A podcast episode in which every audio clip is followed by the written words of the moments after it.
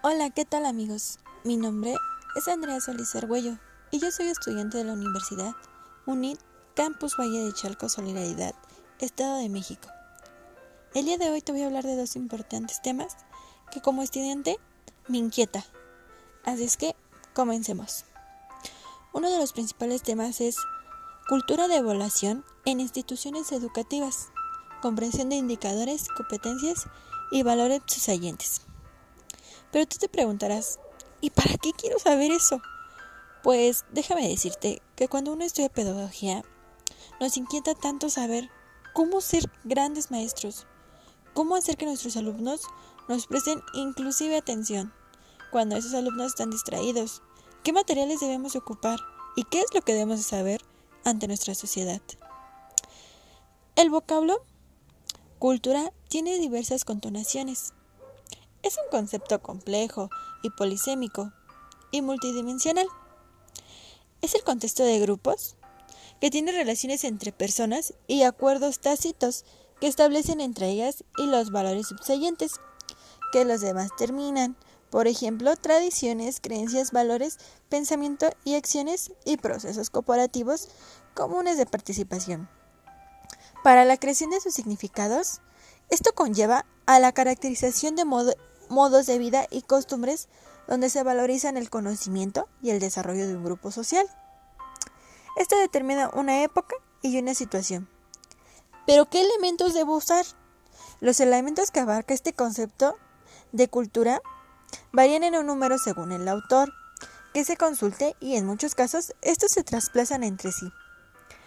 Para estos propósitos de este artículo, el término cultura que puede definirlo en términos de los elementos siguientes son la forma de pensar y de sentir de los individuos que conforman el grupo, las relaciones que éstas mantienen entre sí, los acuerdos explícitos e inflictivos. Es decir, muchas veces, muchas veces pensamos en el concepto de cultura en términos macro. La cultura de un país, la cultura de un grupo indígena, la cultura de una región. Este concepto, sin embargo, también se aplica en el contexto de grupos pequeños, como pueden ser la cultura de un equipo de fútbol, o la cultura del centro del restaurante de comida rápido de la vuelta de nuestra casa, o la cultura dentro de una empresa. El tema cultura organizacional ha sido abundantemente estudiado desde los Morgan desde 1998. Qué bárbaro, ¿verdad? Las instituciones educativas como organizaciones que son también han sido estudiadas desde distintas perspectivas, pero es claro que existen diferencias importantes entre la institución educativa y una organización con fines de lucro. Es más, desde luego este proceso interviene mucho más factores, eh, como por ejemplo temores personales. La cultura de evaluación se va conformando con la suma de experiencias pasadas. ¿Recuerdan? Esa teoría sobre que aprendemos sobre las experiencias, pues eso mismo es de lo que te estoy hablando. El uso de los buenos y los malos instrumentos. ¿Pero qué instrumentos? Por ejemplo, cuando realizamos un examen, debemos ser propiamente estrictos y super profesionales. No debe de haber ningún chantaje ante los alumnos. La cultura de evaluación. Es lo que decía. Y tú te imaginarás, ¿cultura de evaluación? ¿Pero qué debo utilizar para tener una cultura de evaluación? Pues es ahí tu ética profesional. Porque cuando uno comienza a ser maestro, cuando uno comienza a ser docente, cuando uno empieza a salir en el ámbito profesional, debe de casarse con su propia carrera. Debe de tener principalmente valores. Una forma de pensar y de sentir. Porque recuerda que hoy en día necesitamos seres humanos buenos, seres humanos solidarios. Porque créeme, que los conceptos los vamos adquiriendo durante el paso. Hoy me cuento como una de esas estudiantes. Creí que al salir al mundo laboral iba a ser demasiado difícil. Cuando yo estaba en mi cuarto decía, ¿qué voy a hacer cuando termine la carrera? Y déjame decirte, no la he terminado. Pero hoy he impulsado mis alas y he buscado un empleo.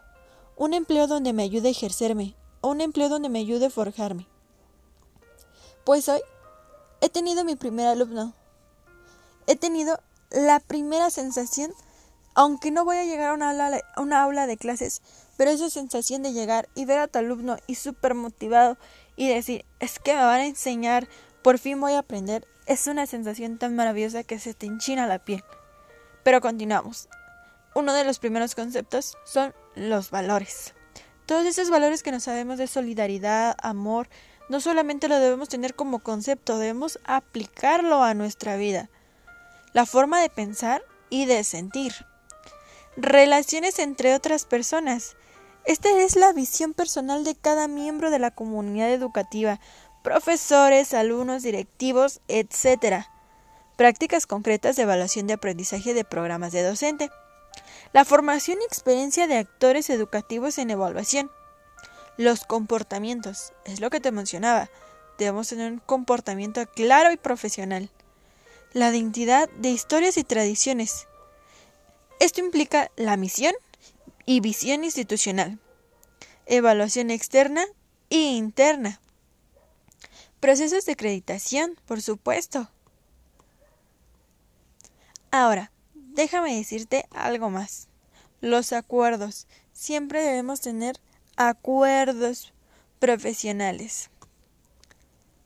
Ahora, el tema de cultura de evaluación Puede ser, o en el ámbito mexicano, es el entorno al Programa Integral de Fortalecimiento Institucional, con las siglas PIFI.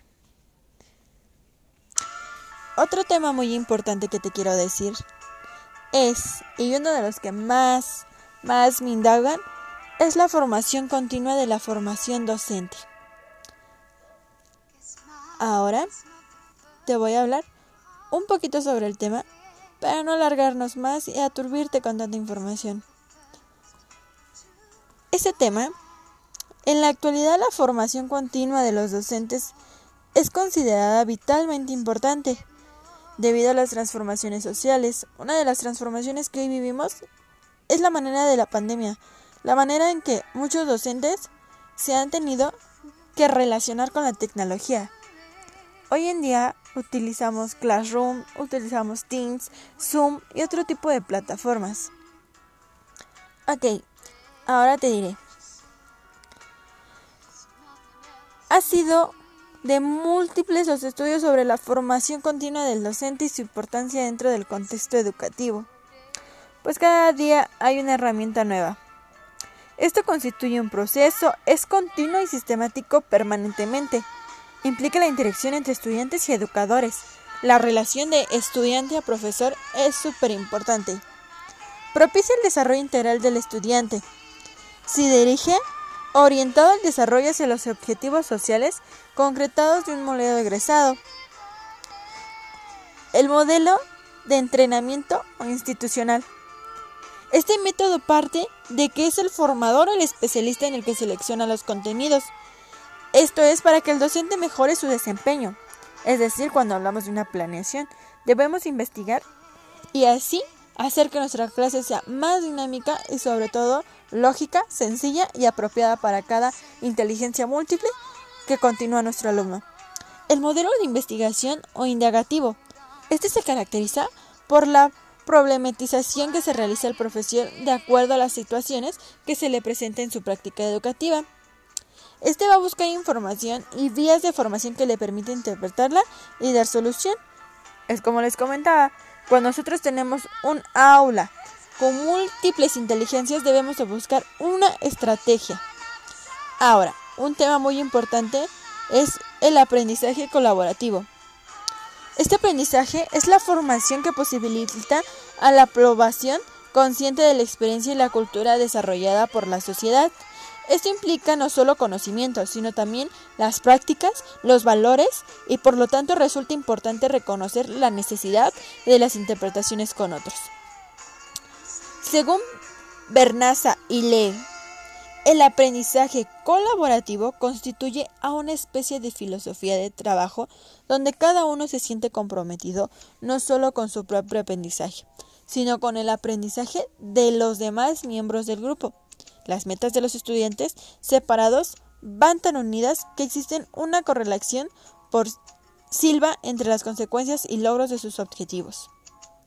Para concluir, quiero mencionar que es muy importante estemos comprometidos con cada uno de los trabajos que tenemos. Y no solamente si eres docente, sino si eres abogado, si eres doctor.